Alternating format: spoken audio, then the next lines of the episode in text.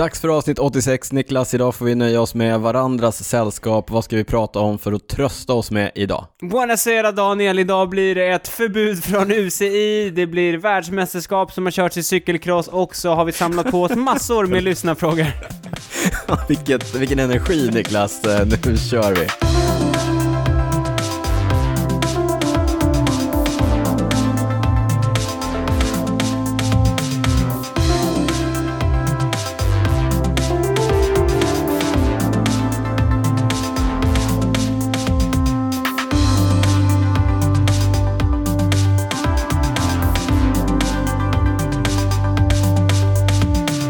Varmt välkomna till det 86 avsnittet av Cykelwebben-podden med mig Daniel Rytz och eh, mitt emot mig i Cykelwebben-podden studion eh, som vanligt, precis som vanligt eh, Niklas Hasslum, varmt välkommen! Tack, och god kväll. God kväll. Buonasera. Buonasera. Det är, ju, det är god kväll på Det är spanska eller? Nej, italienska. Jag försökte knyta ihop det mot hur vi kommer avsluta det.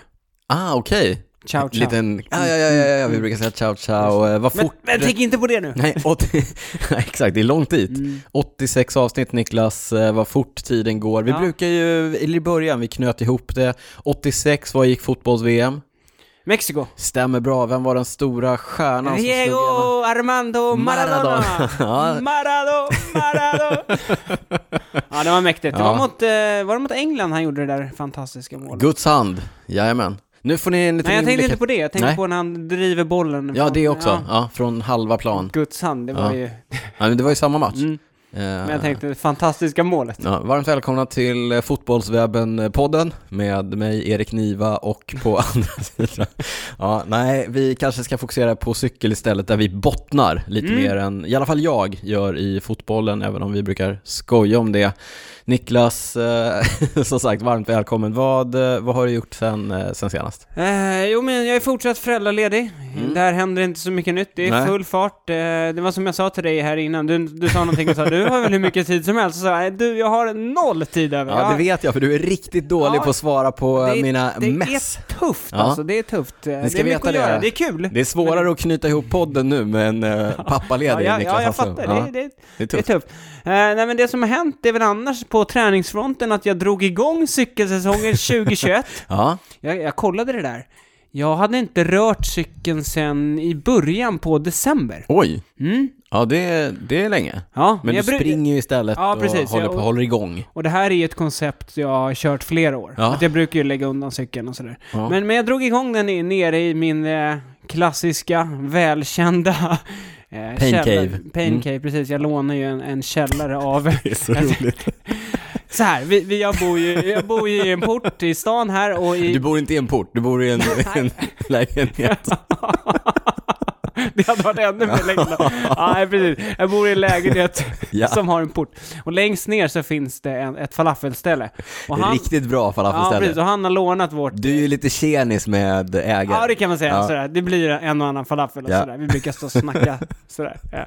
Men, eh, så jag lånar hans, eller han har lånat vårt cykelrum. Ja, Och det, det alltså han... föreningens... Eh, Ja, alltså du det- bor i hyresrätt, Ja, så jag det är bor i hyresrätt så det är ingen förening, men, men så här, det är ett cykelrum som, all, som aldrig någonsin, sen jag flyttade dit, använts. Så då när han liksom kom in, då tog han över det, och så har han ställt in lite kylar och han har liksom cola, han har någon där energidryck och ris och det står så här dunkar med typ matolja och sådär. Ja, men så, och, och då, problemet som vi har varit inne på förut är att jag kör ju rullar och det låter ju så fruktansvärt. Ja, Det var i min gamla lägenhet, då kom det upp någon granne och frågade om det är någon som visste vad det var för generator som stod igång.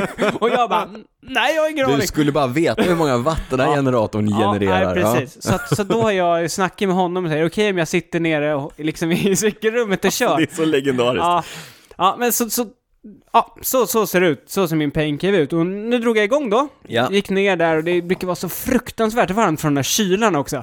Ja, just så det, blir ja. så här värmeträning också. Mm. Men så drog jag igång och så här, det gick helt okej. Som Mm. sagt, jag har ju sprungit så. Så tänkte jag, ja men det är lagom nu att komma igång. Mm. Men, då stötte jag på patrull. För i porten, Ja, så du vet ju Daniel, det finns ju en annan restaurang också. just det. Och det är man kan väl säga att det är ett sunkhak. Det är ett hak. Det har Ja. varit lite olika genom åren, men nu är det något så här, ja, ett halvsunkigt hak som fokuserar mycket på att sälja billig öl till Jag liksom, älskar den här långa utläggningen Ja, Niklas, jag är ja, nyfiken ja. på vart den är på väg. Ja, det kommer, det kommer. Säljer billig öl till kidsen liksom. Mm. Eh, Inte kidsen under 18, viktigt att understryka. Och Nej, inte, det tror jag inte. och inte heller efter 20.00 i dessa tider. Nej, och nu, jag hoppas inte de lyssnar på det här, men de är inte så här superuppskattade i porten. Nej. Alltså den här, Rashid då, som var falafelsäljaren. Falafelkillen, De, ja. de gillar, folk gillar ju Ja. honom. Viktigt att hålla isär Rashid Ja, och... verkligen, ja. verkligen. Eh, jo, och nu då, när coviden kom, Ja. då drabbades ju de hårt av det här med, du vet, det var ju Ja, förbud, man Ja, får ja, ja. inte sälja längre än 2030. det var det jag sa, 20.00 tror jag. 20.00 till och med. Ja. Ja, och det är ju så här, men ett sunkak, kidsen, de kommer ju, alltså de går ju ut vid 22, 23 nu för tiden. Ja, Ja, ja, ja, ja, ja. ja, så de har ju stängt igen. ja. Så, ja, Du jublar lite, ja. ja men det är lite Inombords, skönt ja. Men, nu kom till det stora problemet. I veckan här, då börjar det komma en ruggigt lurig lukt. Okej. Så det börjar komma upp lappar i porten, och så här, är det någon som har koll på vad det är som luktar, bla bla bla. Då visar det sig efter mycket om och men, att då har liksom kylarna som står inne i det, för de har också en Sunkhaket, källare, ja, ja. de har lagt av. Okej. Och tydligen har de då massa gammal mat där som Oh. nu då har börjat Oh. ruttna. Vilket gör, och det sjuka här är att de har någon sån här kodlås, så de kan inte, de kan inte komma in. Så nu luktar det bara förjävligt i hela porten, men det gör ju också att jag kan ju inte träna bredvid, för det luktar liksom död nere i källaren. Ja, så du kan inte sitta där och Nej. du vill inte dra in allt det här? Okej. Så min cykelsäsong 2021 är på paus. Ja, Okej, Det- jag brukar ju stå för de långa utläggningarna. Det här var eventuellt ett rekord Ja. i en eh, lång Men så, utläggning. så, eh, ja, men lite, Emilia var inne på det så här, livet kommer emellan och så. Det är det jag menar, det kommer saker Ja, emellan. Snacka, här, d- rutten mat kommer Mm, så vi emellan. väntar på Securitas nu som ska komma dit med någon slags kod, du vet såhär, masterlåskod. Ja. Jag vill inte gå in där, det är som att gå in i du vet såhär död, eh, du vet lägenhet som ligger död. Ja, nej usch. Ja, hur går det själv? Så käppar i hjulet alltså? Käppar i hjulet. Käppar i hjulet. Ja. Du var ju däremot, alltså tvärtom, du har ju kört någon långpass idag. Ja, alltså det här är ju, det är olikt mig och jag brukar predika kring det här Vi har med... hånat sådana som, Ja, ja, ja, som, sitter du. och kör länge. Igår, eh, det är söndag kväll vi spelar in, igår lördag körde jag två och en halv timme på mina rullar. I, och det var, jag tror att det var det längsta inomhuspasset jag Jag någonsin jag. kört. Alltså förutom velodrom. Men det var nog det längsta. Och sen eh, idag så toppar jag det med att köra tre timmar på Ja, rullar. du körde igår också? Ja. Alltså oerhört märkligt och jag vet inte riktigt varför. Varför? Nej men lite så här. Jag har verkligen tröttnat på att frysa, trots att Stockholm har bjudit på fantastiskt vinterväder med blå, blåa skyar Mm, och snö, väldigt vackert liksom. Men jag har inte riktigt orkat eh, rota fram min vintercykel, den Nej. med dubbar och skärmar och allt det där som man ska ha när, när det är Mm. sånt här väder. Plus varit lite osäker på väglag och sådär, men det har jag ju sett på Instagram att folk i min bekantskapskrets, de är ju ändå ute och cyklar, så Ja. att det går ju att vara ute Mm. och cykla. Men jag har typ inte, jag har inte pallat. Ja, det har varit kallt Det också. har varit kallt jag fryser ju ja. lätt, jag fryser väldigt mycket om händer och fötter och det är, även om det är vackert så gör det ju ont liksom. Mm. Och så kände jag så här, jag har inte cyklat långt på några veckor nu för att det har Nej. varit kallt ett tag, så jag tänkte så här, men gillar jag ändå att få in lite volym. Ja. Så då tänkte jag så här, men jag, jag kör, jag, jag ser hur länge jag pallar liksom, så kör jag två och en halv timme i, igår. Och det här var igår? Mm, på Swift, och då körde jag med deras nya så här Pace Partner. Mm. Kan jag tipsa alla om att testa. Det, tiden går ganska fort, man Ja. måste ändå ligga på lite grann. Och sen- ställer man in den då? Eller Ja, du vad? väljer en av fyra nivåer liksom. Det är ju watt Okej. per kilo på, Okej, på Swift. ja, ja. Ja. Så då väljer man en som är, som är lämplig, som man tänker Mm. att man ska palla så och länge sen som man ja, man hänger bara på så länge man kan? Ja, det blir ju en klunga runt de här pace, virtuella pace-partners. Okej. Ja, och så om, man, om vem som helst då klickar, då hamnar de ju bredvid den i Mhm. världen. Okej. Så att alla som hakar Ja, på... du har ingen egen pacepartner? Jo men nej, men alla har samma. Okej. Nej, ja. precis. Mm. Alla har samma. Ni har en hare typ? Vi har en hare, Ja. exakt. Och då bildas det ju en klunga runt Mm, den där haren, mm. så sitter man med den där klungan. Ja, ja, ja. Och jag tycker tiden går ganska Mm. fort, man kör liksom samma varv, man Ja. kommer in i det. Jag gillar ju också när det upprepar sig, Ja. varvet är kanske 25 minuter Men det är inga inte. attacker eller sånt där då? Nej men det blir ju lite varierat, så det går lite hårdare i Ja. backarna och lite lättare utför och sådär. Men man vill inte köra ifrån haren? Nej, för det finns ett bonuspoäng också. Så det finns liksom incitament att hålla sig nära haren och Mhm. inte Okej, köra ja. ifrån. Ja men jag tycker det är en ganska, det är en bra funktion. Framförallt om man vill köra typ en timme och inte pallar strukturera upp det med intervaller eller eh, ha någon plan liksom. Så Mm. att vill man bara få en timme att gå ganska fort så tipsar jag alla om att testa Pace Partner i eh, Swift. Man går in under Wethopia och så kan man välja. Mm. Ja. Och sen tänkte jag, det gick ju ganska bra det där. Två och en halv timme, flöt på ganska fort. Och sen så kollade jag idag på events i Swift. Mycket snackar jag om Swift här, men kollade jag eventsen, såg att det gick något eh, Swift-fondo. 99 kilometer skulle det vara, och det tar ju ungefär två och en halv timme tänkte jag Vem ungefär. räknar kilometer inomhus? Nej, ingen räknar kilometer inomhus, men Swift gör det. Ja, anmälde mig och tänkte, ja men jag kör så länge jag, eh, jag pallar. Alltså tävling. Nå, motionslopp. Ja, Eh, alltså tävling. Ja, men det drog igång där och det gick som vanligt ganska fort i början och jag satt med bra där över första backarna och så jag körde på mina rullar och eh, ja, men det rullade på Mm. ganska bra. Fick tyvärr släppa första, jag fick tyvärr släppa första gruppen med 15, eh, 15 cyklister tror jag var i första gruppen. Eh, Jag, jag hävdar att det är för att jag hade kopplat rullarna till min Apple TV. Visar lite för lågt. Lite Såklart, för låga såklart. wattsiffror. Min Quark visade lite Mm, högre, men ja. jag fick släppa första grupperna. Men vi hamnade... Trist och torska Ja, på tråkigt tekniskt. torska på det, ja, alltså. ja, jag fattar. Vi återkommer till... Annars hade du vunnit. Ja, ja, ja. Ja, det är klart. Ja, ja. Ja, hur som helst satt med, ja men det, slutade med att jag körde hela, hela loppet. Det tog två och en halv timme. 99 kilometer? Ja, vem räknar kilometer? Det tog, det tog två och en halv timme och jag värmde upp lite innan och, och värmde ner lite efter. Men när jag tittade ner på min eh, cykeldator som var Mm. kopplad till min eh, faktiska effektmätare på min Mm. cykel, så kunde jag notera att jag hade snittat 253 watt i två och en halv timme. Okej. Och det kan jag säga att det har jag aldrig gjort innan, eh, tror jag. För jag har aldrig kört liksom så, Nej, så jämnt, jämnt och hårt så länge. länge. Nej. Men jag kan också säga att... Och just på- rullar också, man frihjular ju typ aldrig. Nej, nej, nej, nej, det är Nej, konstant tryck liksom. hela Ja. tiden. Så att, eh, men jag kan säga det, att 250 watt i två och en halv timme för mig, det känns i benen nu. Oj, vad det känns i benen. Gummibben. Gummibben. Faller Ja. ihop här snart. Ja, så vi får Det se. är starkt ändå. Ja, men jag har ju kört, eh, jag har ju kört de här Swift, eh, Svenska Cykelförbundets eh, Svecup. Så, ja, just det. De är på måndagar, så att Det jag tror att mycket folk eller? Ja, Riktig succé Sjukt mycket alltså. folk, ja verkligen. Kul. Ja, och riktigt hård racing. Mm. Eh, där satte jag ju också nytt eh, rekord på typ 20 minuter i måndags och Ja. fick nytt FTP, det får man ju också Okej, i ja. Swift. Blir man Så- glad då eller? Ja, då, jag blev jätteglad. Ja. Sen att jag blev avställd, det är en, det är en helt Mm. annan fråga. Men eh, nytt FTP i alla fall. Det verkar vara många som blir avställda.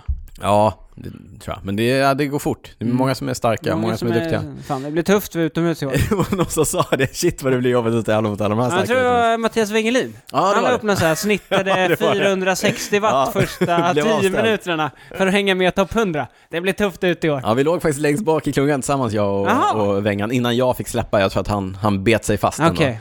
Ja, jag får se. Det är race imorgon och jag får se hur benen känns, eh, känns då. Ja, men du kör vilodag idag eller?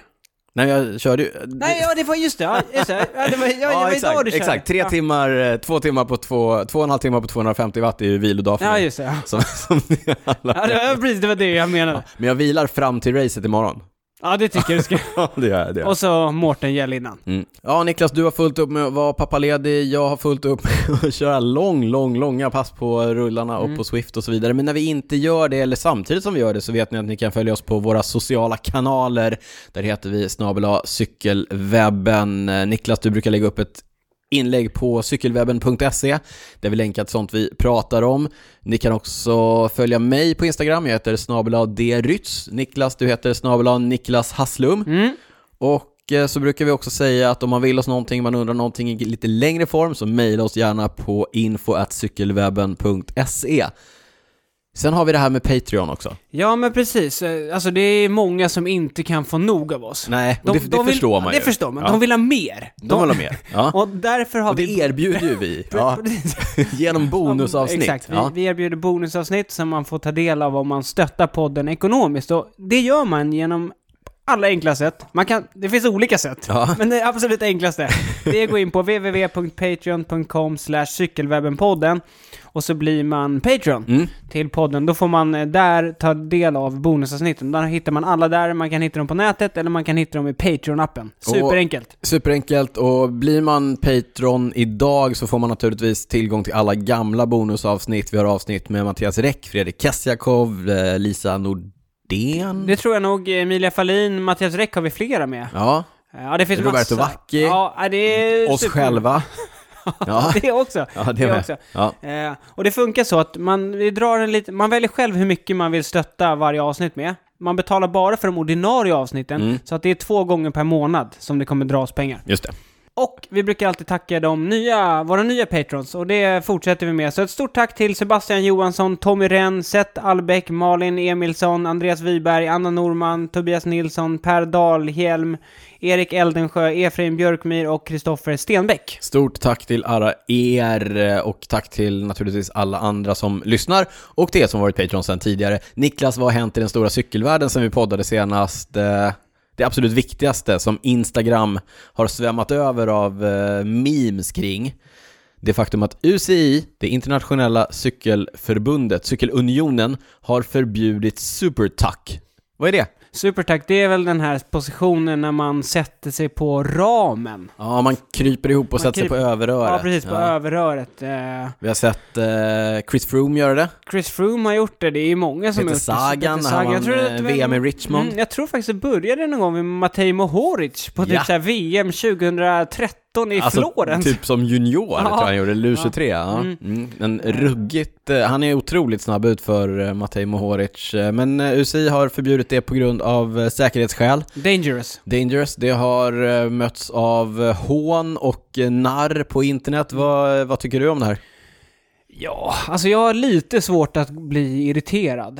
Eh, men men det, det som, det, jag såg att det var någon som skrev, det här kom ju som ett förslag redan i december. Ja, Men då var det ingen som sa något. Men det här är lite sån här, det känns som att ah, det är, det är en lite större diskussion, men det känns som att det finns inget som riktigt organiserar cyklisterna. Alltså så här, nu, Kring det, Ja, kring det. Nu plötsligt kommer och då blir alla irriterade. Oh, oh, ja. Men det var ju som sagt ingen hemlighet. Men just alltså själva förbudet i... Ja, jag- det känns som att det blir väldigt svårt att hålla koll på det. ja verkligen. det kommer, alltså man kommer kunna se de som är i täten. Men tänk dem i grupp 1 liksom, när de ska Ja. jaga tid utför. Vem ska... Där, där finns ingen kamera Nej, nej. liksom. De Nej, jag- kommer ju sätta sig så här. Ja, ja, spurtarna när de jagar klungan Ja. på toretapper och så vidare. Men, men jag, så här, jag tycker att det är, alltså vi har ju sett några spektakulära vurper på grund av det i bland proffsen. Men för egen del så är jag mer bekymrad om folk som gör det i min närhet, på klubbträningar Mm. eller på nationella tävlingar och sådär. Jag vill liksom inte sitta i en klunga med folk som Nej. gör det där. Det, det är Alltså man har mindre kontroll på cykeln Mm. när man sitter sådär. Så att eh, jag, jag tycker inte att det är ett... Egentligen är det så här, jag bryr mig inte om vad proffsen gör. De kan hantera sina cyklar hyfsat bra, de flesta av dem. Och, och liksom, ja men det är... Visst, du kanske kan få en, en, eh, en liten fördel så när Mm. Froome attackerade ut för och satt på ramen och körde snabbare på grund av det. Man blir mycket mer aerodynamisk och sådär. Men det, en sak är ju att, att eh, om man sitter och trampar. Ja, Men nu verkar det vara även bara Ja, ja, bara man sitta. sitter. Ja. För, för trampa, det känns ju riktigt lurigt. ja, vingligt liksom. Men, men det är, alltså, anledningen till att det är ett bra förbud är att eh, vi gör ju som proffsen gör. Man eh, ser vad proffsen gör och så vill man vara som dem. Mm. Och när man ser proffsen göra det så eh, betyder det att folk i min omgivning också gör det. Så att förhoppningsvis så kanske det kan få slut på det i eh, liksom småklungor. Men så när, så när UCI förbjuder det här nu, innebär det också att det blir förbjudet på svenska tävlingar? ja, det, Går det ner liksom ja hela det, vägen? det ska det göra. Fan, jag ska Eh, sätta dit folk nu alltså. men, men jag tror inte att det liksom är applicerbart på Le Peloton och sådana Nej, det är grejer. klart inte. Det borde det däremot vara, vill jag bara. jag kommer ta på mig en sån här Ja, jag- kommissariekavaj. tänkte precis säga det. Du kommer åka ut och säga "Ö, jag vet att det där är förbjudet. Upp, upp, upp. Ja, det har jag redan. Det, har- det, det, det faktum att det inte har varit förbjudet av UCI hittills har inte hindrat mig Nej, från det- att säga åt Nej, folk att inte göra nej, det. Jag vet. Niklas, eh, cykelcrossvärldsmästerskapen har gått av stapeln i Ostende i Belgien. Vid kusten! Vid kusten, det var, det enda, det var den enda belgiska höjdpunkten på den helgen, det faktum att det gick i Belgien. Ja, Wout van Aert Silver var väl ändå en Ja, hyfsad men höjd ändå, på- men ändå. men, Ja. ändå men ändå. Men jag tycker att det var kul. Som sagt, det gick på kust, vid kusten. Den här Mm. stan ligger vid kusten. Mm. Eh, De har en strand. De tog tillvara på kusten och stranden. Det gjorde de verkligen. De var liksom ute i vattnet och körde nästan. Ja. Eh, Ja, det var ju, det var, det var inte snitslad banan på stranden, man fick ju välja väg Mm. själv där eh, med varierad framgång bland ja, cyklisterna. precis. Du hade spanat in någon som tog någon riktigt. Blanka, Blanka Vass, eh, ungerskan i Ja, U23-klassen. hon trea i U23. Ja, Mm. hon kanske kom trea i, i U23-klassen. Däremot kom hon inte speciellt högt upp i, eh, när det handlar om geometri och sådana grejer. Trigonometri är det väl kanske man, Okej. när man räknar på längder och sånt där, Mm. på trianglar. Hon Ja. valde ju en längre väg än Ja. alla varje gång. Och det var ingen framgångssaga heller. Nej, verkligen Nej. inte. Hon tappade väl en, eh, hon tappade väl medalj på sista Mm. varvet tror jag. Men det man kan säga om sanden är att det ställde ju till det för vissa och var ju en fördel för vissa. Jag såg att Tom Pidcock till exempel, som, han tappade ju supermycket på strandpartiet varenda gång. Ja, Medan eh, ja, vissa andra... ja men. Wout van Aert är ju erkänt duktig i sanden. Eh, Mathieu van der Poel såg ut att ha det tufft de första varven men kom väl in i det lite grann. Eh, Van Aert hade också otur med en uh, otajmad punka och då fick van der Poel en, en eh, lucka, ett försprång som han förvaltade väl och eh, cyklade hem sitt eh, fjärde VM-guld va? I cykelcross Ja, eh, i elitklassen. Men vi kan väl dra vinnarna. Nu, nu nämnde du på här sidan Elit. Mathieu van der Poel före Wout van Aert och Tonart. Tone Art som gjorde en eh, bra tävling trots en Ja. sådär säsong överlag. Mm. Eh, Ja, han har haft det lite tyngre, men han är ju en av de som kanske är lite bättre på sanden. Han höll ju undan för Tom Pidcock som Mm. kom fyra. Bla, eh, lite kuriosa. Stybar var med och körde. Stenek Stibar. proffset i tidigare världsmästare, två VM-guld tror jag i, Ja, det, men det var länge det var sedan. länge Det sedan. var jättelänge sedan. 2013 senast tror jag. Numera proffs i Wolfpack, Niklas Mm. absoluta favoritlag på, på landsväg. Tom Pidcock fyra, eh, sista tävlingen för hans Trinity Racing, nu är han officiellt en Grenadier. En jeepgängare. Det vi kan konstatera då är att bara en av eh, topp fyra är numera då renodlad crossåkare, nämligen Tone Arts. De andra Mm. är ju både landsvägsåkare Mm. och eh, crossåkare. På damsidan vann eh, Lucinda Brand för... eh, Äntligen! Äntligen! Ja, hon har haft många. Hon har varit trea och tvåa. Eh, an- före Anne-Marie Worst och Denise Betsema. Så det var hel, hel holländsk pall. ja. Ceylin del Carmen Alvarado som vi snackade innan om, som kan, den regerande världsmästare innan, som var lite av en förhandsfavorit, kom sexa. Sanne Kant, Åtta. åtta.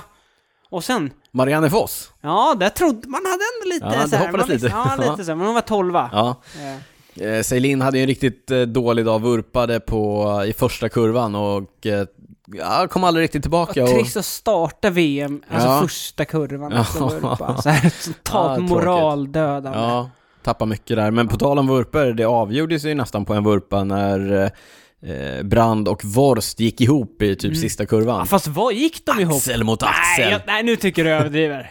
Det kändes som att det var snarare att Vorst liksom tappade greppet bara och la sig. Ja, men Brand trängde sig in där på Nej, hon trängde sig inte! Hon trängde sig inte! Okej, Niklas Hasslum, Lucinda Brand, fanboy nummer ett här. Ja, Nej, okej. nej Ja. men vad du tycker att det var, alltså tycker Nej, du att det, det var var, inte det, oschysst. det minsta oschysst? Alltså, in, Nej, nej, nej, nej. det kan du inte tycka.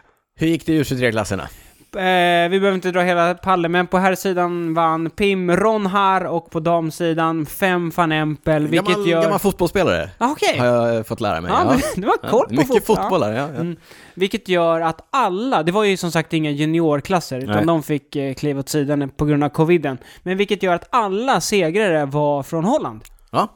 Stort eh, grattis till Nederländerna, som Nederländerna, man säger. Mm. mm. Det var inget nederlag. Var- Nej, Det, det var det verkligen inte. Du, eh, det var ett land, ett annat land i Australien. Känner du till det? Det är en hel kontinent. Mm. Eh, på andra sidan jorden. Där Ja. nere. Down Den- under. där under. Mm. De, eh, till skillnad från alla andra länder här i Europa, så kör de sina nationella mästerskap så här års. Och det är precis vad de har gjort den här veckan. Eh, berätta hur det har gått. Ja, men först och främst var det lite annorlunda. Det brukar ju gå tidigare på året. Alltså det brukar ju gå en månad tidigare, Ja, vilket gör att det tidigare, brukar vara supervarmt. Men nu var det ju bara så här strax under 20 grader. Ja. Vilket de tänkte att det påverkar lite. Men också så har ju de ganska hårda covid-regler, så att kommer, kommer det utifrån så måste du sitta i hotellkarantän i två veckor. Ja, just det. Vilket gjorde att en del proffs sket i att åka hem, för att det kanske inte var värt att sitta liksom två veckor innan. På ett hotell, nej. Nej, däremot så såg jag att Richie Port hade gjort det. Han älskar ju Willanga Hill så mycket. Just det. Så han gjorde det med fru och två barn under tre år. Han gjorde det för att få köra det här Alltså cy- barnen är under tre år. Ja, precis. mm. Ja, Men han gjorde det för att, för att köra den här cycling, vad heter den? Santos eh, Cycling, Festival ja, of Cycling. Allt för att få vinna, Vinna. uppe Ja. på Willanga Hill. Ja. Eh, på, på tempot Ja. eh, så vann eh, på damsidan Sarah Gigante Mm. före Grace Brown och på herrsidan Luke Plapp före Luke Durbridge. Turbo Durbo. Luke Durbridge. eh, Luke Plapp, eh, amatör på eh, nationell nivå, men inte så länge till. Det rycks och slits i honom från flera stora lag, har vi hört rykten om. Jag kommer återkomma lite grann till Luke Plapp i Mm. prylsvepet. Ja, men då kan jag också återkomma till honom. För Ja. han är ju... Han slog igenom lite nu. Han, som sagt, Han var ju tvåa på Willanga Hill bakom Richie Mm, Porte. han, han satt med William Hill, Ja. men, eh, så att han har ju verkligen slagit igenom. Men Sarah Gigant är ju...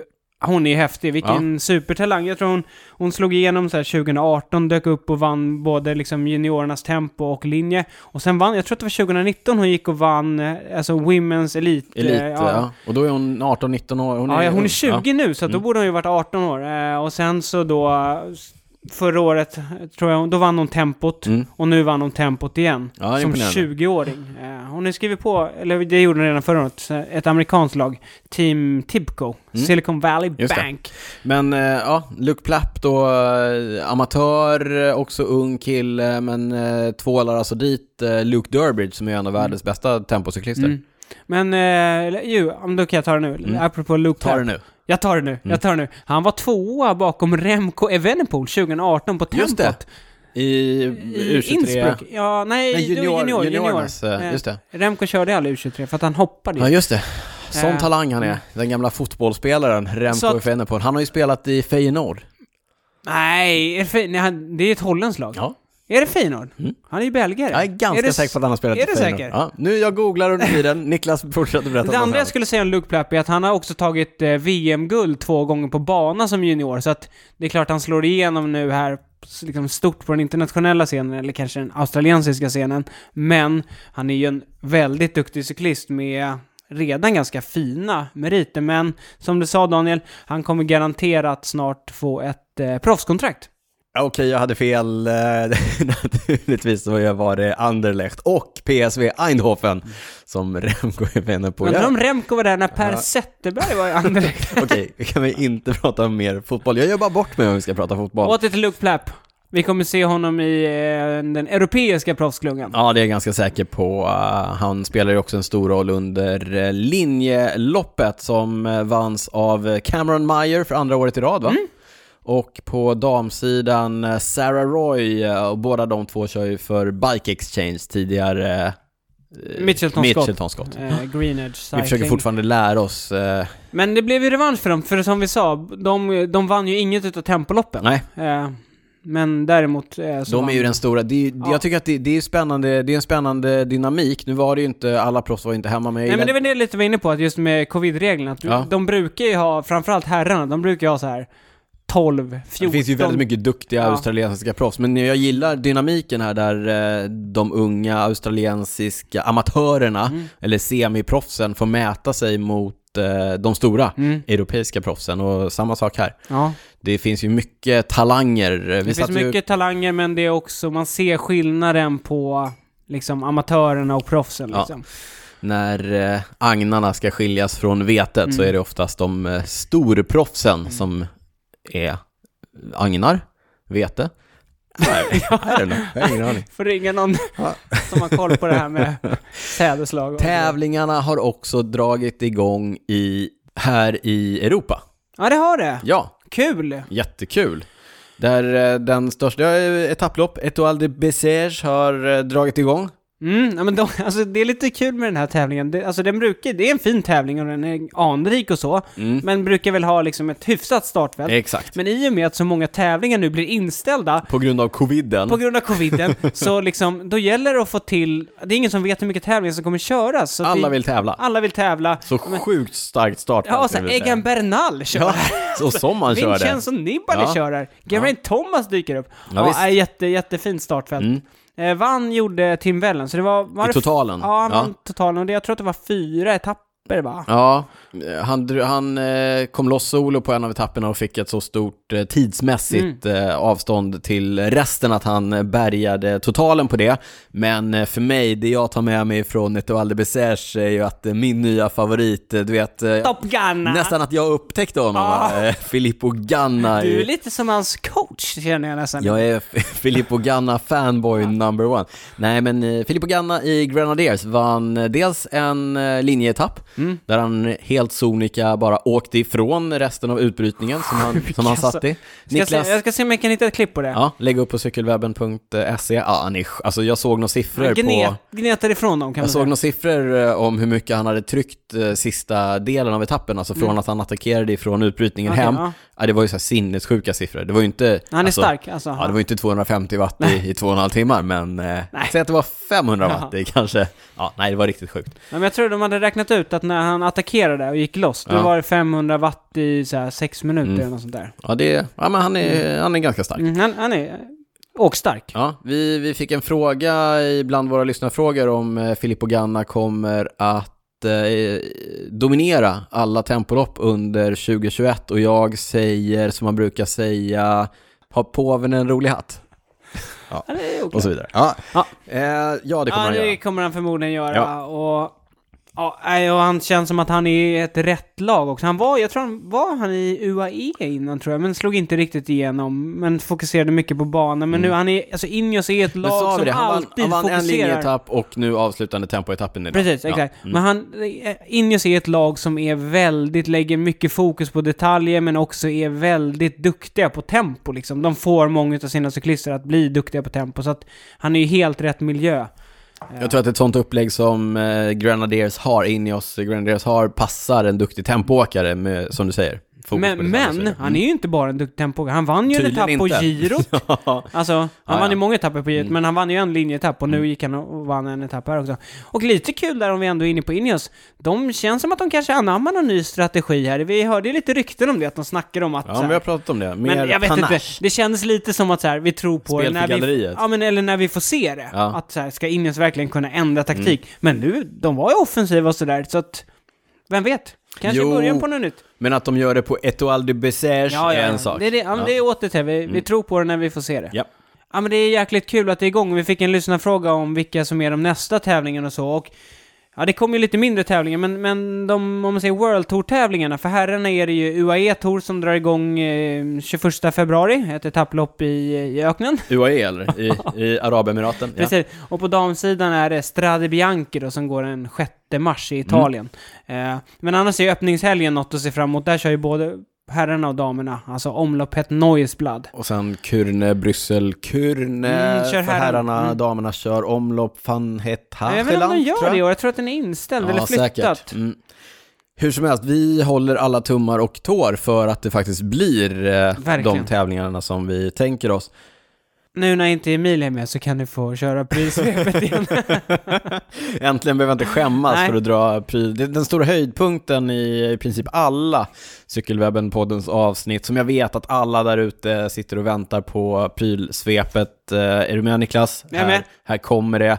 Jag sa att jag skulle återkomma till eh, Luke Plapp, den eh, unga begåvade australiensaren som ju vann då tempot på australienska mästerskapen. Eh, Han gjorde det med hjälp av ett litet australiensiskt företag som, eh, jag tror han körde på en eh, Giant-hoj, men med ett custom-styre Mhm. av ett företag som heter Sync Ergonomics.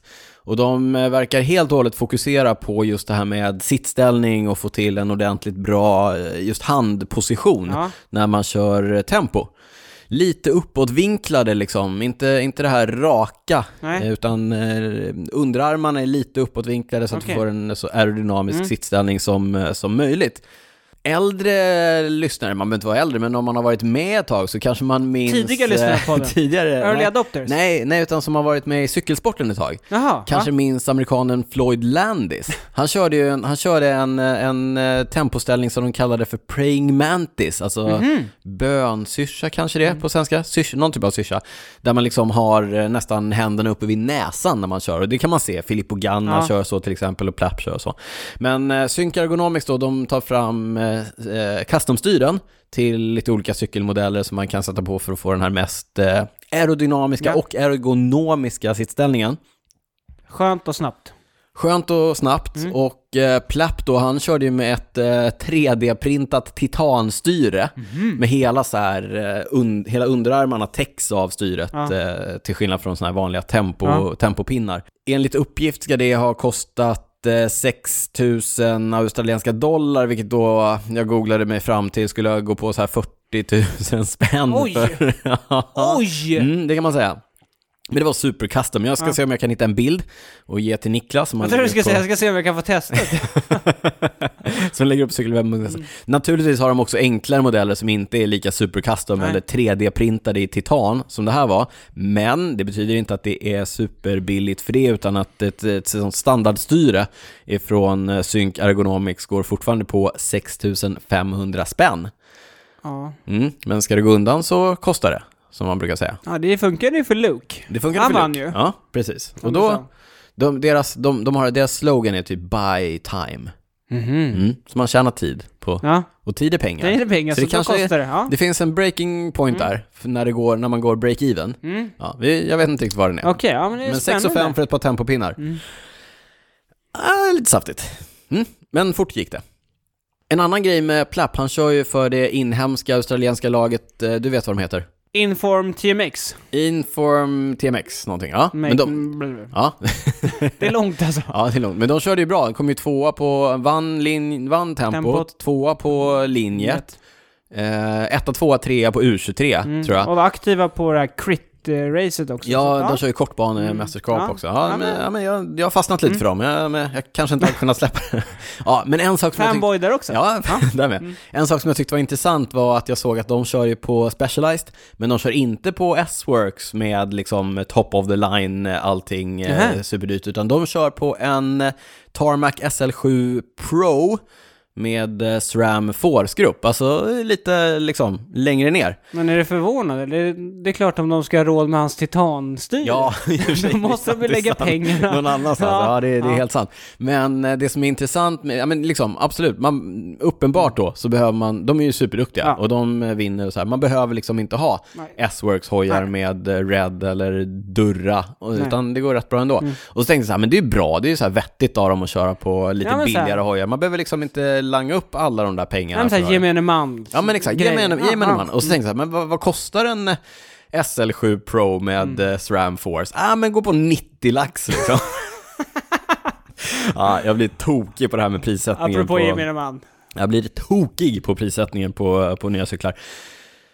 Jag tror det är Luke, han måste ha någon hemlig sponsor eller något. Jag tror inte han har råd med Jag allt tror det här inte att han betalade för det där styret. Jag tänker mig att Sync Ergonomics kanske sponsrade. Du, en sak som eh, nog inte kommer att bli billigare eller leda till billigare cyklar, det är ju det faktum att vi har spekulerat i det tidigare. Shimano, du, du känner till Shimano? Ja. De, eh, vi räknar ju med att de kommer dyka upp med en ny Dura-Ace-grupp, alltså värstinggrupp på landsväg inom kort. Och nu såg jag att det är någon som har snokat rätt på att de har ansökt om patent Mm. i USA, tror jag, om en eh, delvis trådlös grupp. Och det här har vi ju sagt tidigare, vi har Ja, spekulerat vi har snackat om det. Mm. Det finns ju lite bilder och sådär på nätet Ja. man kan... När man granskar det här, den här patentansökan så kan man se att det trådlösa består i att det är två delar av systemet där växel och bromsreglagen är liksom en enhet och eh, bakväxel, eventuell framväxel, alltså man kan ju Mm. köra one by annars, Ja.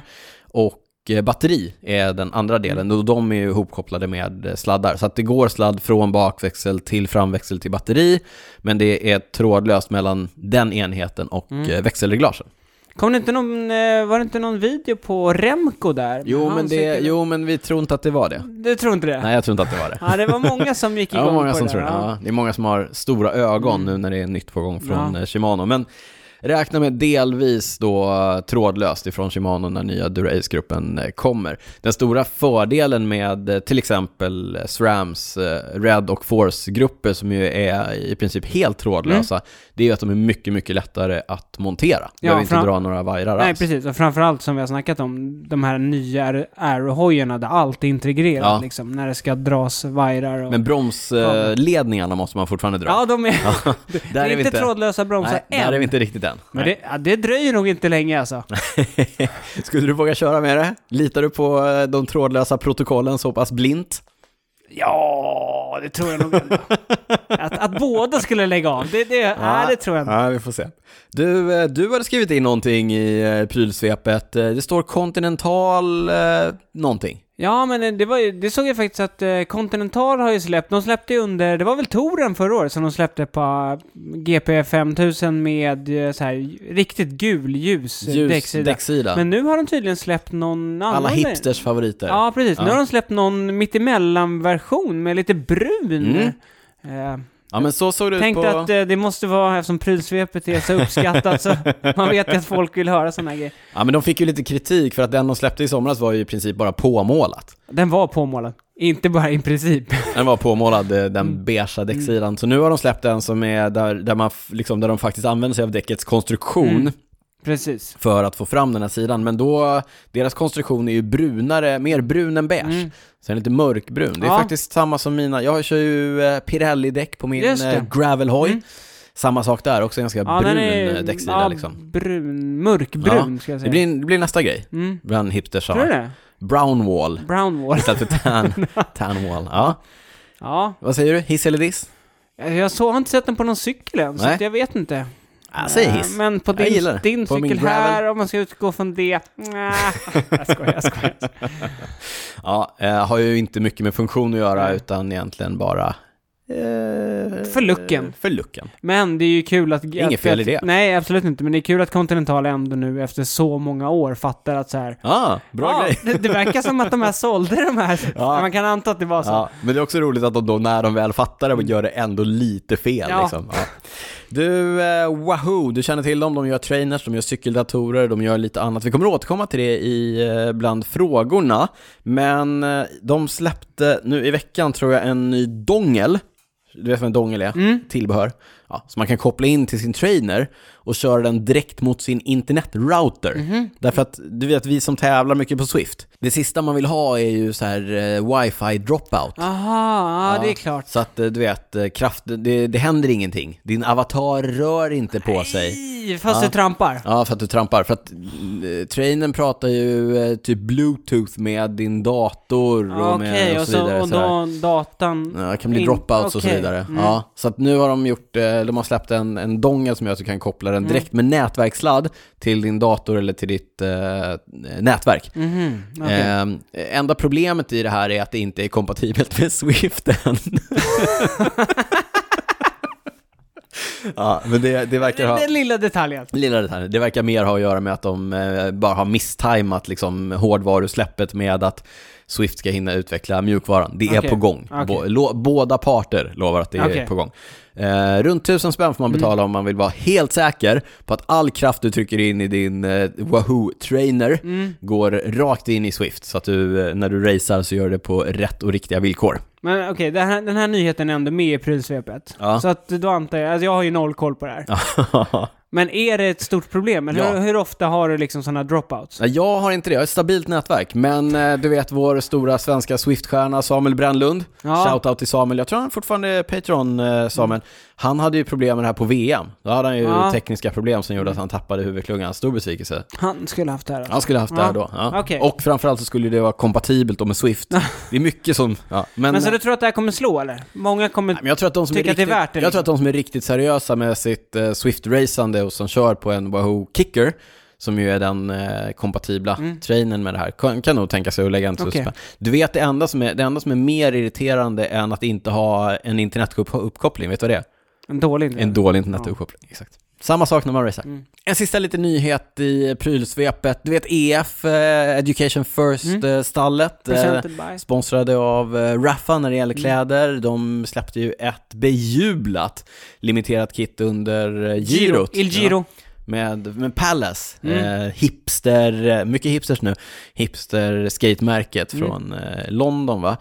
Eh, de fick böter för det. Nu, spelar de, nu spinner de vidare på det här med UCI och UCIs regler. Du vet UCI, de som förbjöd eh, supertack, Ja. eh, de som bestämmer att strumpor bara får vara så här höga och så vidare. De har nu släppt det de kallar är the world's most compliant kit ever. Alltså kittet som följer alla regler. Mm. Mer än någonting annat. Såklart. Ja. Ja, de har ju bytt ut sin eh, rosa-lila tröja från förra året till en tröja som på avstånd ser helrosa ut med eh, mörkblåa loggor. Mm. Men när man tittar lite närmare så ser man att det är som en ritning Där liksom alla mått och sånt eh, ligger kvar. För det finns ju massa regler med hur stora loggor får vara och allting sånt där. Så att det de har använt i liksom, eh, vad vet jag, Illustrator, eller vad de nu använder för Ja, program. Det låter de ligga kvar liksom. Det låter dem ligga kvar. Så om man tittar noga så ser man att det är, men de trollar sig lite grann. Det är ändå lite roligt. Vad tycker du om kittet? Hiss eller diss?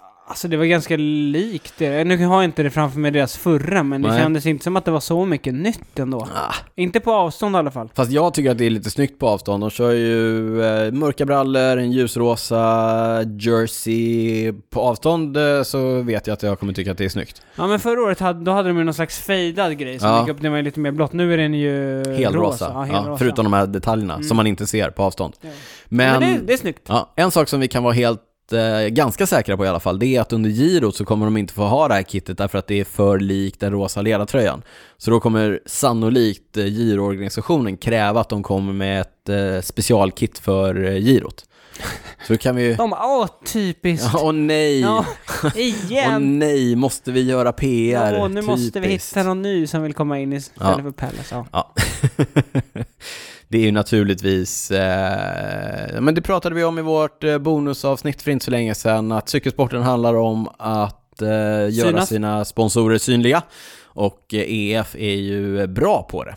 Ja, men det har du rätt i Daniel. Och nu är det dags att börja beta av alla lyssnarfrågor. För vi har fått in många, vi var ute tidigt här. Vi hade var ute och fram, fiskade, du framförhållning. Ja, verkligen. Första gången någonsin i Cykelwebben-poddens historia hade vi framförhållning. Eh, Det lönade sig. Vi fick in jättemycket lyssnarfrågor. Supermånga bra, intressanta frågor. Vi bränner av dem, eh, några kort, några lite längre. Ja, och vi får börja med att be om ursäkt till alla som inte fick med sina. Ja, men de kanske dyker upp senare. Det kan, vet man inte. Kan göra, Mm. kan göra.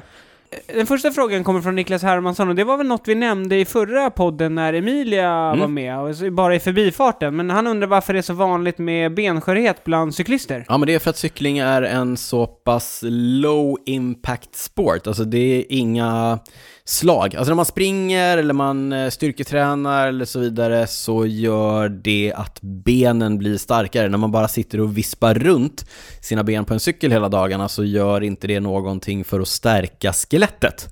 Snarare tvärtom. Mm. Mm. Det var det du menade då? Det var det jag menade då. Det jag sa det nu också. Ja.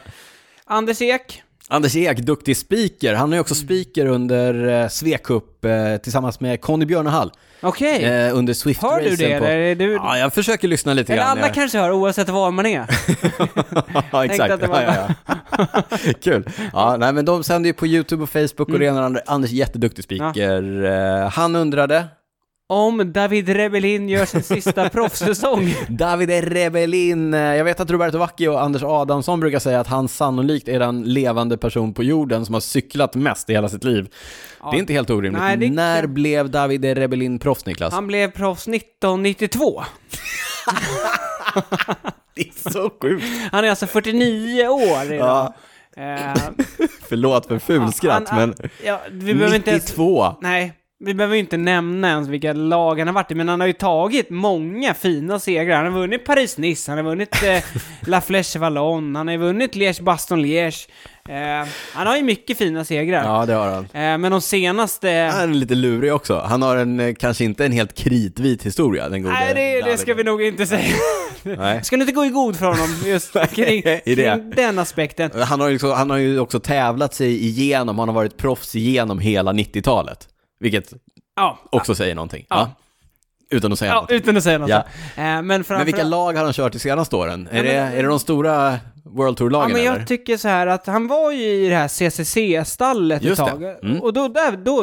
Men det var ju innan de blev eh, liksom nya CCC, Ja, det var ju när de var polska CCC. Ja, precis. Ja. Och, men de kändes ju ändå det så här, ganska respektabla så. Eh, och det, det, var, det var ju ungefär typ fram till 2015-2016. Men sen, då är det liksom, då känns det som att han bara harvat runt för att han inte har något annat att göra. Och nu är han var ju så här Kuwait, han har varit i något lag som heter Sovak Nature Forever, Meridana Carmen Team. Ja, Ja, han han har svårt att lägga av. oklara lag. 49 år gammal, gör han sin, ska vi gissa? Jag säger, yes, ja han gör nog Nej, det. nej, nej, nej, det är klart han inte gör det. David är forever. Eh, Jag vet inte vilket lag han ska köra i för i år dock, men jag såg på Twitter att det var att han förhandlar med några lag nu, så att det är klart han dyker upp. Men jag fattar inte hur han liksom... Han har ju varit i Uppsala och tävlat på eh, Scandinavian Race. Det var inte eh, länge sedan alltså. Nej, det var ett par, tre år sedan tror jag. Då vann han ju GP runt, eh, runt slottet där i, i stor stil. Det var, det var nästan surrealistiskt att se David Rebellin komma och tävla i Uppsala. Olle Holmgren undrar när släpper Wahoo ny cykeldator? Både du och jag sitter ju inne och testar eh, Wahoos eh, cykeldatorer eh, just nu. Du testar ju inte jättemycket, jag testar lite mer. Vi är Mm. Ja, det är problemet med lukten. Det är det. Ja, just Det det. är där. Ja. Men vi, det återkommer Mm. vi till. Vi tycker om de är, vi gillar dem. Mm. Vi vet inte när de släpper nya cykeldatorer, men du har någonting på din vänsterarm där Niklas. Precis, jag testar deras klocka Rival just nu. Mm. Du kommer också testa den här Ja. framöver, så det kommer ett test lite längre fram i podden. På Wahoo Rival, alltså Rival. deras eh, GPS-klocka, träningsklocka och så vidare. Mm, mer om det framöver. Med risk för eh, felsägning, men André Nienkerk Ja, hör av dig om vi har fel. Ja, precis. Förlåt i så fall. Löpning, ett av fem pass i veckan. Är det bra? Ja, men det, det jag tror jag. jag tror det är bra. Ja, och sen Jag, så... jag skulle nästan säga två pass alltså, för Ja. det går för långt mellan löppassen. Ja, nej men exakt. Och jag tror också att så här, det beror ju på vad man vill träna. Löpning, eftersom man då, cik- om man satsar på cykel så ska ju löpningen gå mot den mer centrala kapaciteten. Och löpning eh, till exempel för VO2 max-träning är ju väldigt, väldigt bra. Det är lättare att få upp eh, pulsen, Mm. kanske om man springer än om man cyklar. Så att, Ja. eh, men jag tror absolut på det. Ja, jag håller med. Det jag anammar ju mycket löpning, så tummen upp. Tummen upp, säger vi. kör på det. På tal om alternativ träning, Jo Olsson undrar, tränar cyklister någon styrketräning? Ja, men det sa ju Mattias Räck när han var med att det Ja, gör de. Det gör de. Eh, och det gör man, eh, det gör man. Men eh, jag tror väl att eh, Mattias avvägning handlar väl mer om att om du har en, eh, eh, om du har en begränsad tid att lägga på din träning, då kanske man ska fundera på om man ska lägga en, eh, om man har lite, lite tid. Ja. Om, man, om det är värt att köra styrketräning eller inte. Men om du har obegränsad tid, Ja, är- absolut. Då är det bara att lägga på. ja, då är Det styrketräning lägga ett bra, ett bra komplement. Men jag tycker, om du har max fem pass i veckan skulle jag inte byta ut ett pass. Då är det bättre att köra ett konditionpass till. Ja. Empa-Stempa undrar vad det är för skillnad på lång och kort vila när man kör intervaller. Alltså jag brukar säga att min filosofi när det handlar om vila är att vila tillräckligt mycket så att man orkar nästa intervall och då spelar det ingen roll om det blir jättelångt eller inte om man är liksom fokuserad på Nej. det. Så att det är så här långa, lång vila kanske. När det handlar om kort vila då är det ju oftast att, att vilan och intervallen samspelar på något sätt för att man vill åt någonting. Om man pratar sån här, du vet vad vi brukar prata, 30-15 35, intervaller. 40-20.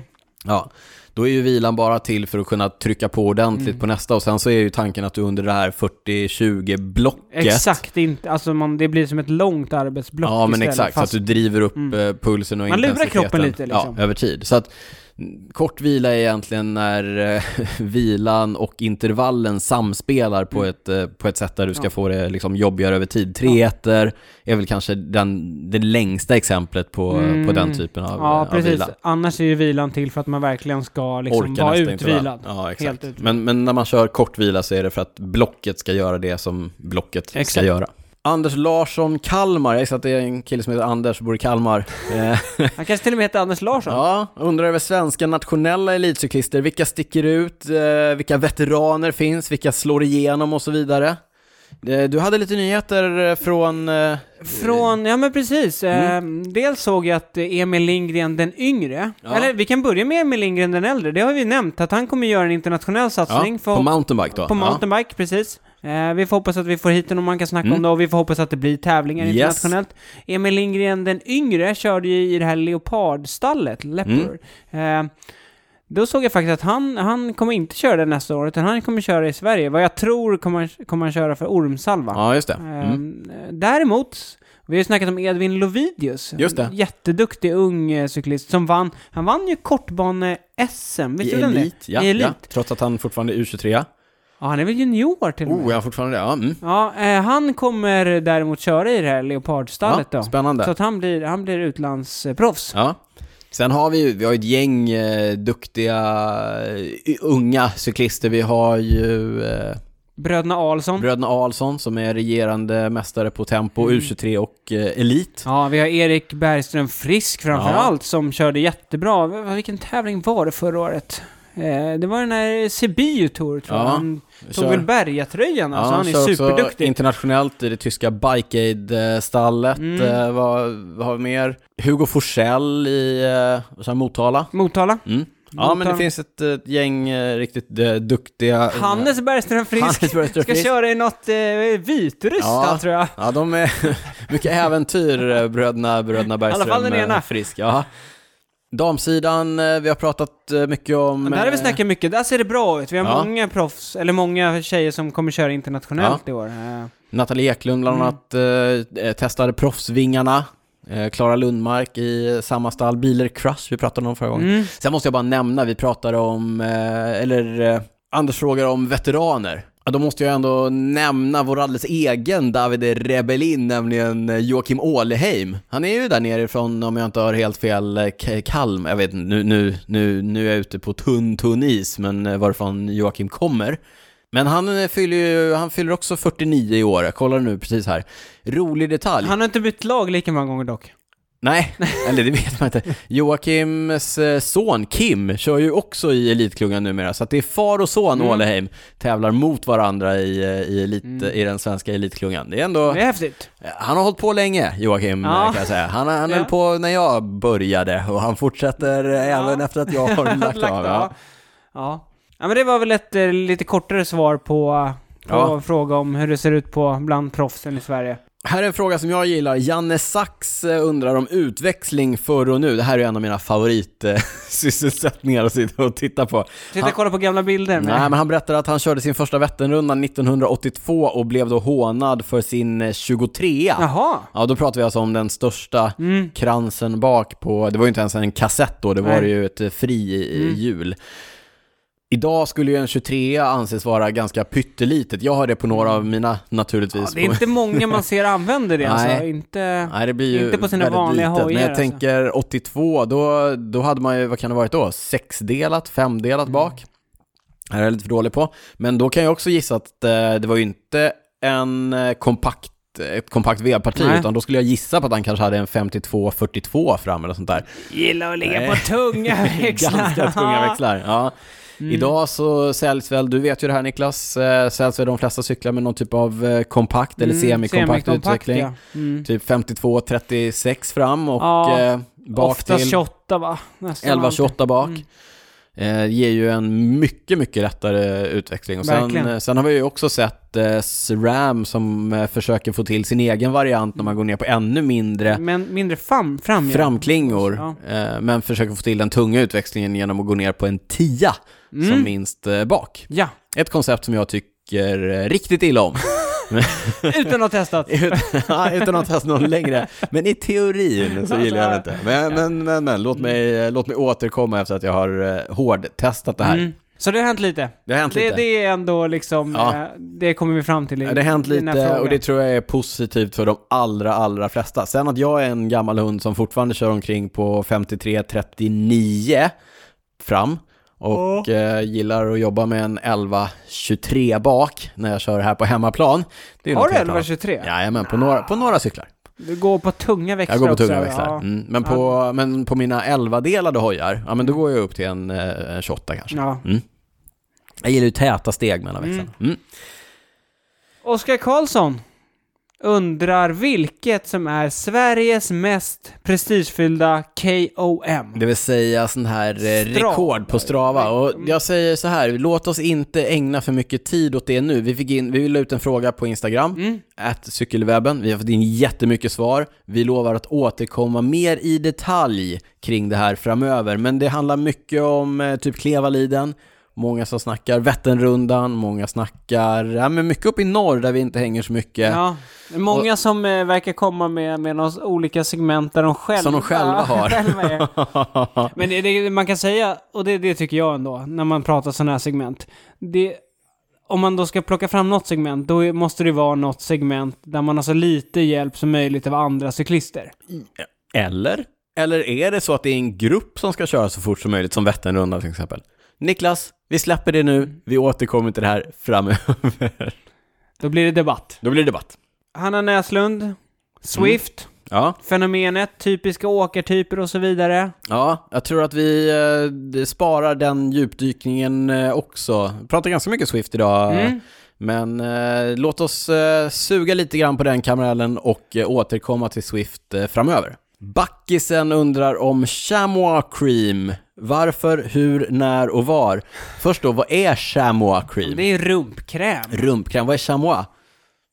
Ja, men det är väl den här blöjan. Ja, blöjan Ja. i... eh, Stoppningen i cykelbyxorna? Ja. Och krämen är då eh, någon typ av eh, smörja som man har. Varför? För att minska friktionen Ja, så att man inte får skav. skavsår och så Mm. vidare.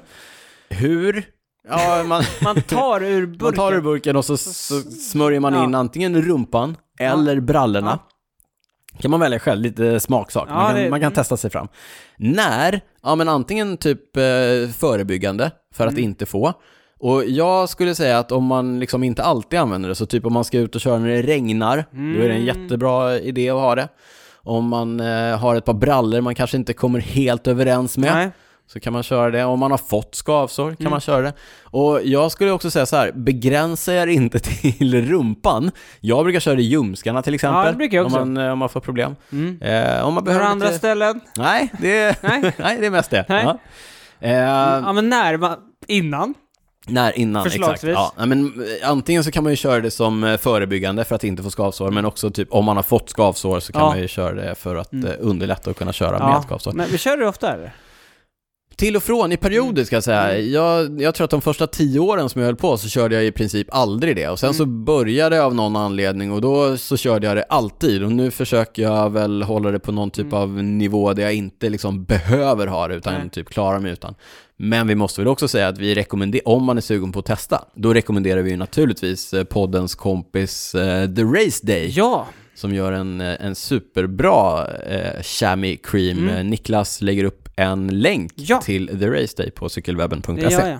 Vi fick in en anonym fråga också. Ja, vi, Det vet, vi vet vem det är som har ställt Vi vet, men Ja. man får ju ställa anonyma Det får frågor. man, det får man. Det är bara att be om att vara Ehm, anonym. Mm. Men nu är det så, alla har ju köpt gravelhoj Ja, liksom. ja. Det har ju varit... Jag har köpt en gravelhoj. Ja. Till och med Ja. jag. Till och med jag har köpt en gravelhoj. till och med du Ja, har ja. köpt en gravelhoj. Jag har pensionerad med ridan.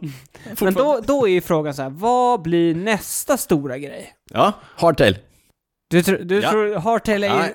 ain't dead? Va? Ain't dead? Hardtail är inte. Du tror det? Ja, hardtail. Du tror att alla kommer gå på? Jag tror att det blir nästa, det blir ju en adventure machine Mm, jag tror, liksom. jag, grejen var att jag tänkte säga någonting med dämpning. Ja, Men jag tror inte, ja frågan är om det blir så mycket, jag, jag tror att det blir mer lands, lite ännu mer landsvägsgeometri.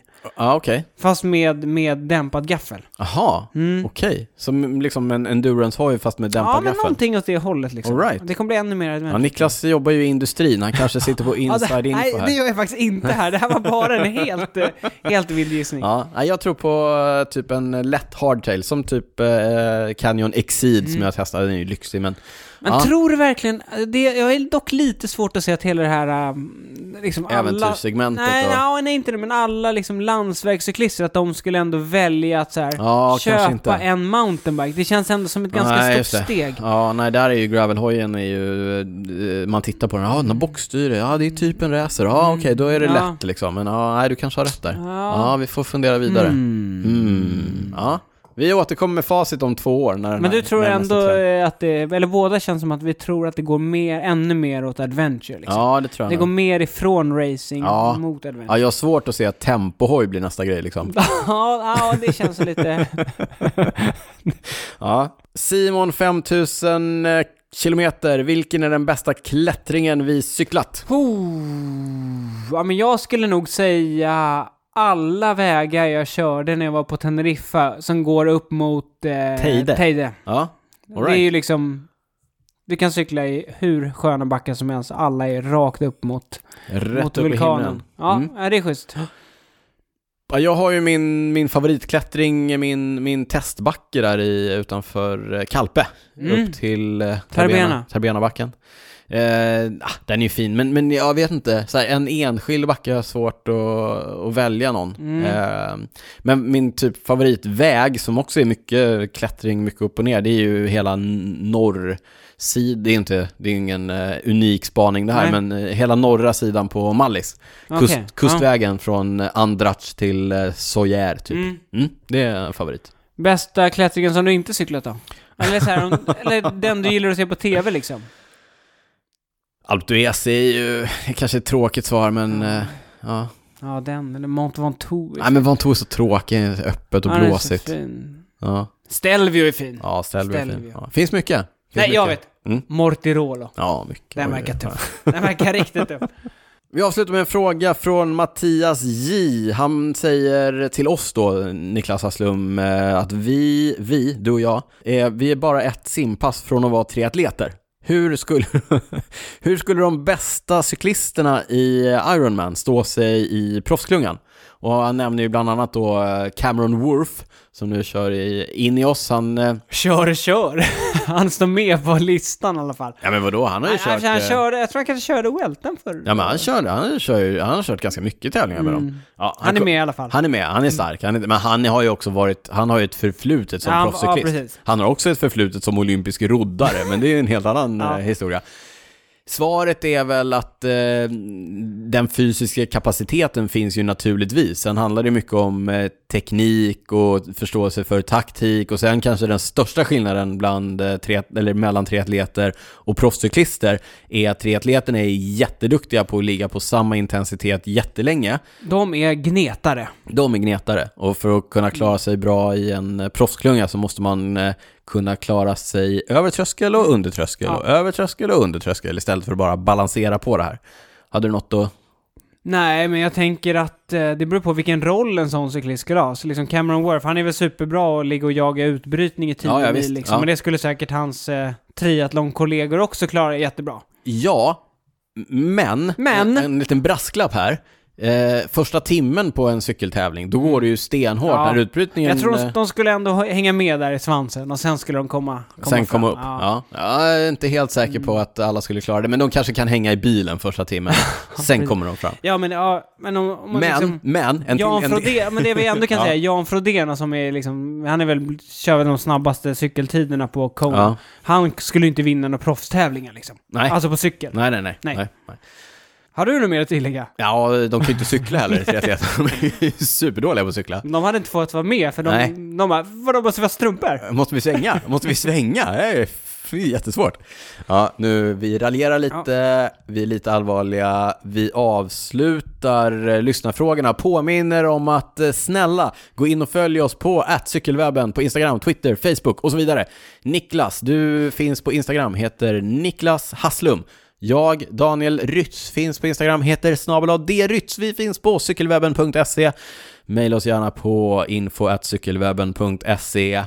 Stötta oss gärna genom att ladda ner Patreon-appen. Ja, det Sök- tycker jag. Sök efter Cykelwebben-podden eller gå in på patreon.com cykelwebben-podden. Har jag glömt någonting? Jag tror faktiskt inte det. Man kan mejla oss på Ja, det info... sa jag. Sa du det? Ja, jag sa det. Okej, ja, men då har du verkligen inte glömt något. Nej, jag tror inte det. Eh, blir man Patreon får man tillgång till alla våra bonusavsnitt. De är superbra. Vi har både gäster och oss själva. Där fördjupar vi Mm. oss. Eh, vi kan gå på djupet. Vi kanske kommer gå på djupet med Swift till exempel. Mm. Vi kan- Strava. Strava. Man vet inte vad som dyker upp, Nej. men eh, snart kommer ett nytt eh, bonusavsnitt. Oändliga möjligheter. Oändliga. Vårt senaste var med Emilia Fallin. Oändligt uppskattat av våra patrons. Ja. Men det var inte oändligt med frågor, utan det var tio snabba. Tio snabba. Tio men vi snabba. snackade lite träning också. Mm. Ja, men vi har snackat mycket träning med REC tidigare i bonus. Ja, vi behöver inte prata mer om det. Niklas, eh, innan vi packar ihop poddstudion, innan eh, du beger dig hemåt tvärs över Folkungagatan, Mm. så säger jag som jag brukar så här i slutet av podden. Vad har du inte kunnat släppa sen vi poddade senast? Ja, men det var ju, vi snackade här om cykelcross-VM. Mm. Och det, jag kom över en eh, ganska intressant och läsvärd artikel här i veckan. Om Lucinda Brand som Mm. vann, hon är 31 år. Vann, Äntligen. äntligen som du sa, precis. Hon har varit på podiet några gånger på VM, men det har skitit sig. Eh, och hon, hon kör ju också till vardags i Trek-stallet med Mattias Räck då som, som en utav Tränare. tränare. Ja, huvudtränare för damerna. Ja, precis. Eh, hon hade en riktig skitsäsong på landsväg. Hon var skadad, hon vurpade, liksom, det gick dåligt. Ja. Eh, kom aldrig riktigt igång och sen mot, framåt hösten då så tänkte hon, nej men nu skiter jag i det här.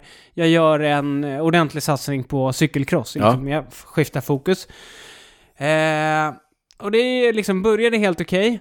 Sen så drabbades hennes pappa av en stroke. Oj. Mm. Eh, Och det var ju en riktig jävla miss liksom. Eh, och då fick hon liksom ställa om fokus och så här. Ja.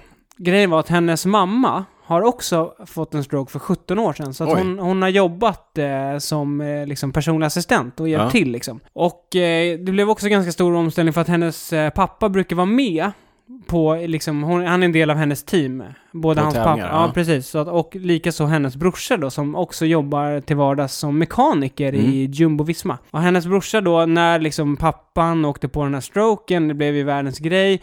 Han skulle egentligen åka till Welton och hjälpt till eh, Primoz Roglic och sådär, men han sa såhär, men jag stannar hemma, jag hjälper till. Brorsan alltså? Ja, precis.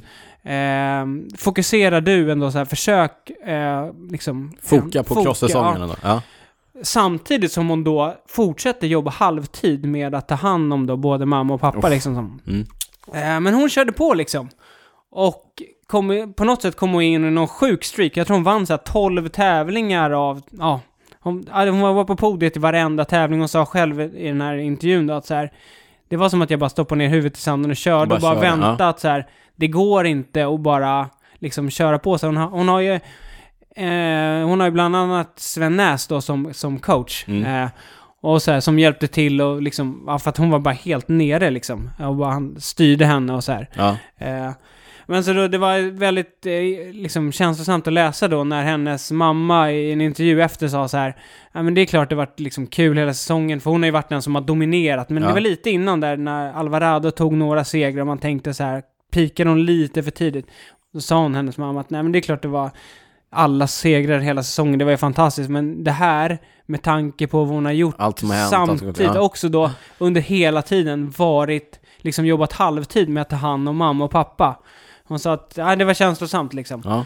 Så ja, jag kan inte riktigt släppa att just den här grejen att det är lätt att vi ser på proffsen som någon slags maskiner liksom. Att man Mm. inte tänker, man ser det. Det finns ett liv också. Ja, det finns ett liv Livet bakom det. Ja. Eh, och det här var verkligen en sån grej när man säger shit vad sjukt. Ja. Eh, Men som, som du sa nu också, hon har varit nära flera gånger. Jag tror att hon var nära i Danmark också, men då var hennes så här, pappa skulle lämna, hon skulle byta cykel. Just det, just det. Och de så här tabbade sig i ja, hon vurpar där i... Ja, eh, exakt. Och ja. han kände lite så här att det var, så här, det var hans fel. Och Mm. hon, har, hon sa också då att hon har tänkt att så här, var det där min chans liksom? Ja, och så där. Eh, Men nu så vände det och Äntligen. Äntligen Ja. världsmästarinna. Och så här häftigt med en säsong som började i kaos. Det var bara dåligt och skador och sådär. Mm. Eh, Så det har jag inte kunnat släppa. Ja, kul. Lucinda Brand. Kul, kul.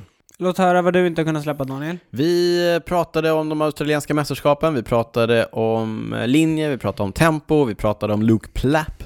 Mm. Vad vi inte pratade så mycket om var att eh, de körde ju samtidigt kortbanemästerskap, vi nämnde det. Eh, De körde kortbanemästerskap i samband med, eh, det är ju en hel vecka liksom Mm. med de här mä- mästerskapen. Körs i samma stad varje år. Ja. Ballarat. Ballarat. Ja. Mm. Ja, hur som helst, eh, du vet, man har lite abstinens, man tittar på det man kommer över. Jag lyckades hitta en video på det här kortbanemästerskapet, herrarnas. Mm.